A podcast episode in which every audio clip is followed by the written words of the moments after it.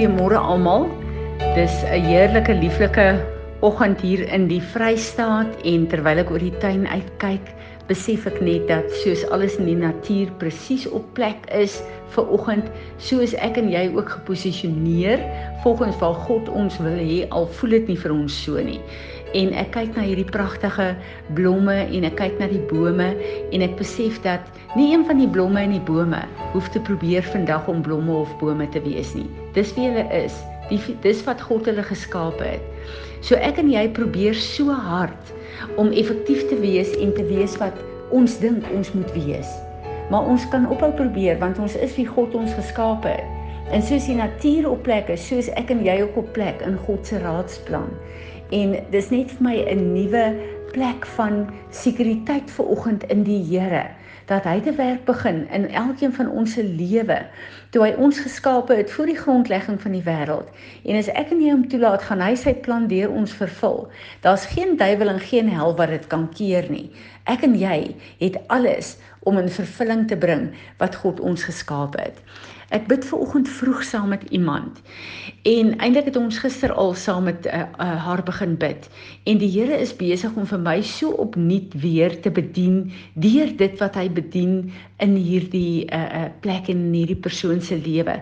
En terwyl ek ver oggend bid, wys die Here vir my 'n visioen ook in haar lewe en hy sê vir my terwyl ek klaar gebid het dat hierdie is iets wat baie van ons moet doen en baie van ons is op 'n plek waar ons voel Here, ons sien en ons hoor en ons ervaar baie van U, maar ek voel verwyder daarvan. Nou ek weet dat die Here wil die seisoene in ons lewe verander. En ek dink baie van julle gaan julle vereenselwig met 'n seisoen waar julle voel julle is nie so effektief nie. Julle het in baie opsigte ge ge uh, uh, misluk. Uh, Daar's baie plekke in julle lewe waar julle teleurgesteld is in julleself, miskien in julle gesinne, in julle werke, selfs in die Here oor goed wat nie in vervulling gekom het nie. En dan kom ons op hierdie plek waar ons voel, maar ek sal al die regte bewegings maak. Ek sal saam praat, ek sal saam, maar ek voel 'n uh, 'n uh, uh, verlate en ek voel onvrugbaar in my eie verhouding met die Here, in my eie plek in my lewe want ek ken myself. En ek weet volgens my kwalifikasies en my persepsies is ek nie die sukses in my oë wat ek behoort te wees nie. Maar so diep steek ons hierdie goeders weg en ons gaan maar net eenvoudig aan.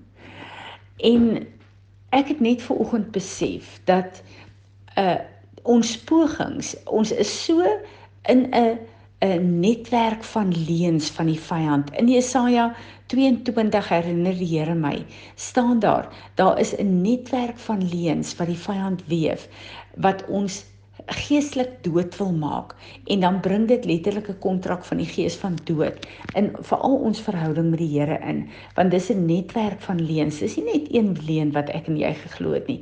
Dis 'n netwerk van leuns.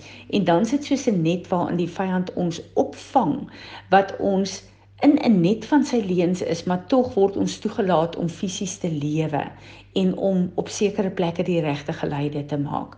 Maar ek en jy weet, ons is verwyder, ons is vasgevang in hierdie leuns van die vyand. En sy leuns kom met hierdie hele ding van ehm uh, al die plekke waar jy gebid het, uh waarvoor jy uh jare lank staan miskien en die Here vertrou het, uh hoe langer jy bid, hoe meer sien jy daar kom nie verandering nie. En dan begin jy te voel maar ek is net nie goed genoeg nie. En dan kom jy op 'n plek waar jy stop met dit en jy voel jy sal nou maar net aangaan. Maar jy is nie op 'n plek van vrugbaarheid nie.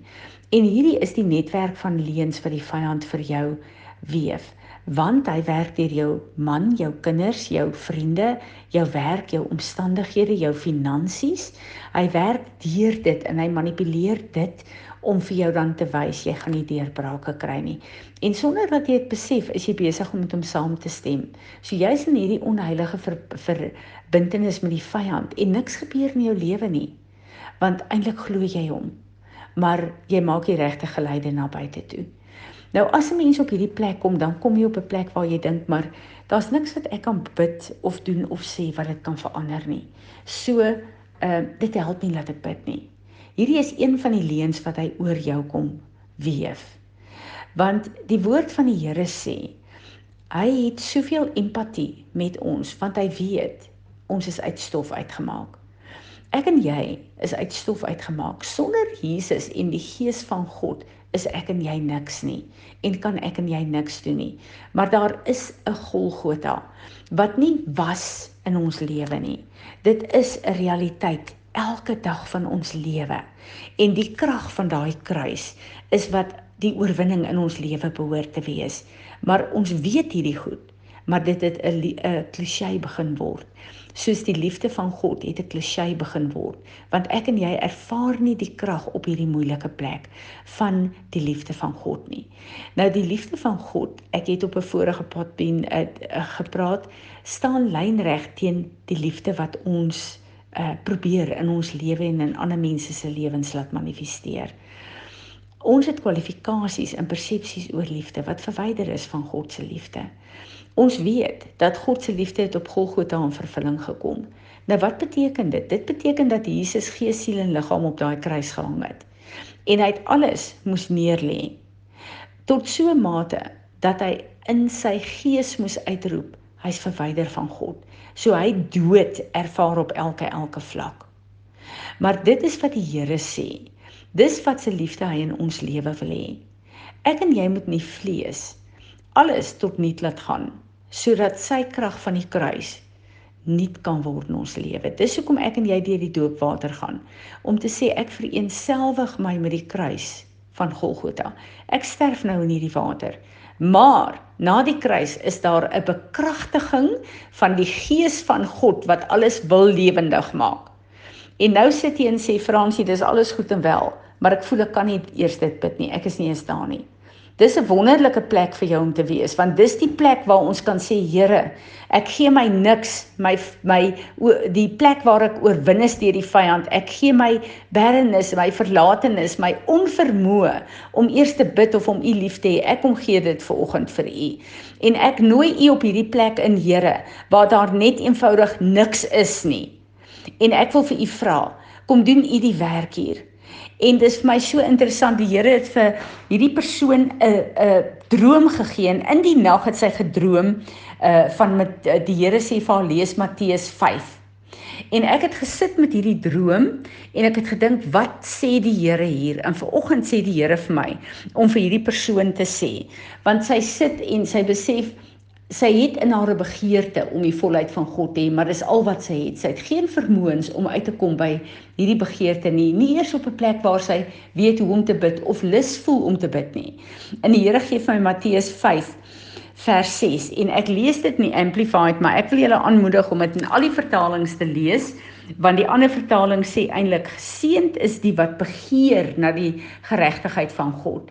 Nou die amplified sê dit blessed, joyful Nourished by God's goodness are those who hunger and thirst for righteousness, those who actively see, active, uh, actively seek right standing with God, for they will be completely satisfied. Nou die een vertaling sê: Geseënd is hy wat begeer na die volheid van God, die geregtigheid van God. Dan kom hy in sê die belangrikste want ons kan ons begeertes, jy sit met hierdie begeertes, maar jy kan niks doen om dit te verander nie. Hy kom en hy sê geseend is jy wat daai begeerte het, want ek God sal dit in vervulling bring. En ek wil hê julle moet ver oggend vir die Here kom sê, Here, al wat ek voor U kan bring is my begeerte. Ek wil graag in U volheid wees, maar ek weet nie hoe om dit te vervul nie. En dan te sê Heilige Gees van God, begin U vandag 'n werk in my lewe om hierdie begeertes na u geregtigheid, u volheid te vervul in my lewe, want ek kan nie dit doen nie. Kom gee vir oggend jou onvermoë en jou kan nie vir die Here. En terwyl ek bid vir hierdie persoon, wys die Here vir my visioene in die gees wat my so opgewonde maak. Ek sien haar as 'n tempel Nou elkeen van ons is 'n tempel van die Heilige Gees, ons weet dit. Maar terwyl ek vir haar bid, sien ek die tempel waar Jesus ingegaan het in die Nuwe Testament voor sy kruisiging. En ek sien al hierdie tafels wat die vyand opgerig het om uh, te trade, om te koop en te verkoop in daai tempel. En Jesus was so kwaad want die volheid van God kon nie uh, by die die gentiles wat ek en jy is uitgekom het nie as gevolg van die trading van die vyand. En hy het ingekom en hy het 'n sweep gevat en hy het hulle uitmekaar uitgeslaan en hy het die sacrifices losgelaat en hy het die die 'n hele stelsel omvergewerp. En ek sien ver oggend terwyl ek bid hoe Jesus kom en hy wys vir my al hierdie trading en hy gooi daai tafels om. En die Here sê vir my om vir haar te sê, begin jy nou te bely dat jy toegelaat het dat die vyand die trading in jou lewe doen met sy leuns en jy het ingekoop daarin. En hierdie trading van die vyand weerhou God se volheid en teenwoordigheid uit jou lewe uit. En dit was my so amazing geweest en sy kon toe bid en dit bely. En ek weet soos wat ek weet dat God 'n nuwe werk in haar lewe begin doen. Want die vyand se werk is vernietig. Die vyand se trading is vernietig. Sy het haar inkoop bely in sy planne. So hierdie hele netwerk van leuns van die vyand breek vandag oor haar. En God kan nou begin om sy nuwe werk in haar lewe te doen. En ek besef toe die Heilige Gees vir my sê sit dit dadelik op die potpen. Daar's baie van julle wat self op hierdie plek sit en ek is opgewonde vir hierdie nuwe werk wat Vader wil doen deur sy Gees want Jesus het dit afgehandel op Golgotha. So ek wil nou vir ons kom bid. Vader, ons kom vandag in die naam van Jesus Christus. En ons weet dit klink soos 'n klisjé baie keer om te sê Romeine 12 vers 1 sê ek lê my as 'n offer voor U neer, maar ons kom doen dit vandag Here, fisies en in die gees, want dis al wat ons het om onsself as 'n offer te gee. Here, maar U weet dat ons as 'n offer is totaal onvolmaak, maar ons kom doen dit vandag met die afgehandelde werk met die kruis. Ons gee onsself hierdie vlees, hierdie onvermoë, al hierdie plekke wat ons het, hierdie leuns van die vyand. Ons kom gee dit vandag op U. En ons wil kom bely, Here, ons het ingekoop in die planne van die vyand. Ons glo die leuns wat hy lieg dat ons nie goed genoeg is nie. Ons glo die leuns dat U ons nie liefhet nie. Ons glo die leuns dat ons afgesny is van U, dat ons nie kan bid nie, dat ons niks ons glo al hierdie leuns, Here. En ek vra vandag dat U ons sal vergewe daarvoor in die naam van Jesus. Breek elke leuen, elke plek waar ons ingekoop het, waar ons die vyand geglo het, waar ons sy tafels in ons tempel toegelaat het om aan te hou met sy trading van sy planne vir ons destiny en leuns, vir ons gesinne, vir ons toekoms. Gooi daai tafels ver oggend om in ons tempel. Kom vernietig dit met u Heilige Gees vuur. Jag die vyand met sy sacrifices uit ons lewe uit en breek die krag van demonic sacrifices vir my gees, siel en liggaam in my lewe en in my tempel. Heilige Gees, ek bid dat U vandag sal kom opnuut met U vuur en kom verbrand. Here Jesus, kom met die bloed wat U gestort het op Golgotha. Kom was ons lewens ons tempels opnuut weer skoon. Stuur u engele om te verwyder elke kontakpunt wat ek vir die vyand gegee het. Elke vesting elke blyplek breek dit af vernietig dit kom verbrand dit kom dryf dit uit en opnuut weer kom gee ek myself vir u en ek wil vra Here bring in vervulling die begeertes van my hart om in u volheid te lewe Dankie dat U dit kan doen. Ek kan nie. En ek wil vandag kom opnuut. Ek verloon en ek verwerp elke plek en elke werk wat ek die vyand gegee het. Breek elke onheilige verbintenis vandag en ek wil myself gees, siel en liggaam opnuut vir U kom gee. Kom doen die werk in my lewe van U volle geregtigheid. Here Jesus, dankie dat U dit afgehandel het op Golgotha en dat ek kan roem in U volmaakte werk. Amen.